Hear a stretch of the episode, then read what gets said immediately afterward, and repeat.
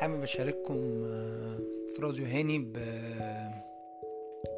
بتغيير آه، موضوع التدوين الصوتي ده لسه في البداية. أنا بحاول آه، أفكر في الأمر محتاج إن أنا أجهز مادة أقدر أقدمها.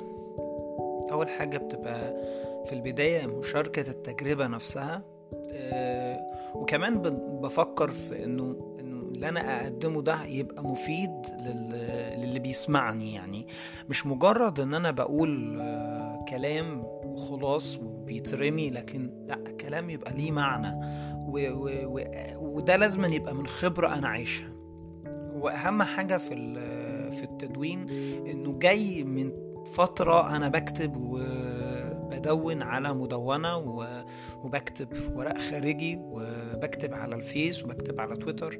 أحيانا آه، لما بتبقى التجربة صادقة قوي وفي مواضيع آه، بقراها مرة تانية من فترة زمنية بلاقي صوت آه، بيكلمني من خلال الأفكار اللي أنا كتبتها والمشاكل اللي أنا وقعت فيها وال- والصور اللي أنا كتبت عنها. التدوين ده حاجة جميلة ورائعة طبعا. فبداية آه، التدوين الصوتي ده ما جاش إلا بعد ما قعدت أكتب آه، بصورة آه، كتيرة على ال- الورق وعلى وعلى النت على المدونة.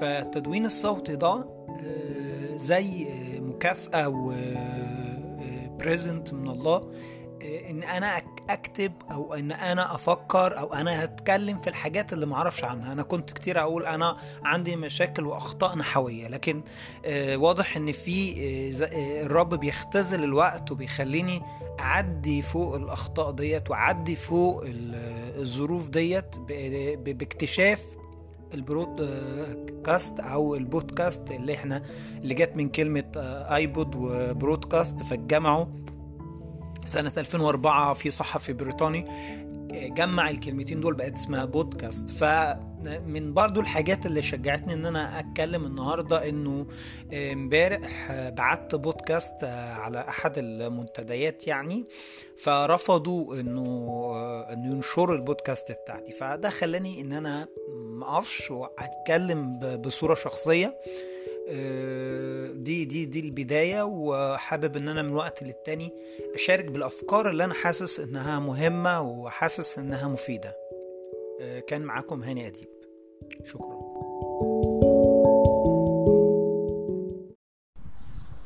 أهلا بكم آه، مستمعي راديو عيني في تدوينة جديدة عن الكتابة.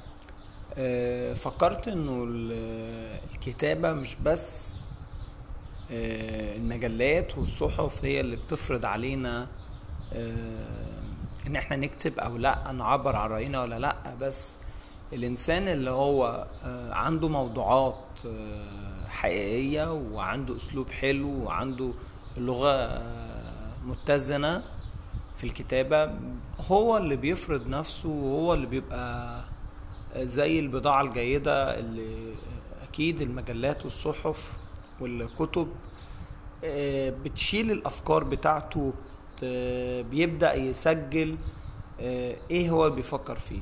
فلازم نشتغل على آه، نفسنا كويس لازم نقرأ مقالات في المجال اللي أنا حابب أكتب فيه كتير. لازم أضبط اللغة بتاعتي لازم اكتب كتير لازم أقرأ كتير. لازم آه، أكون مستعد إنه علشان أقدر أتكلم عن حاجة أكون قاري عنها كتير. كان معاكم هنا دي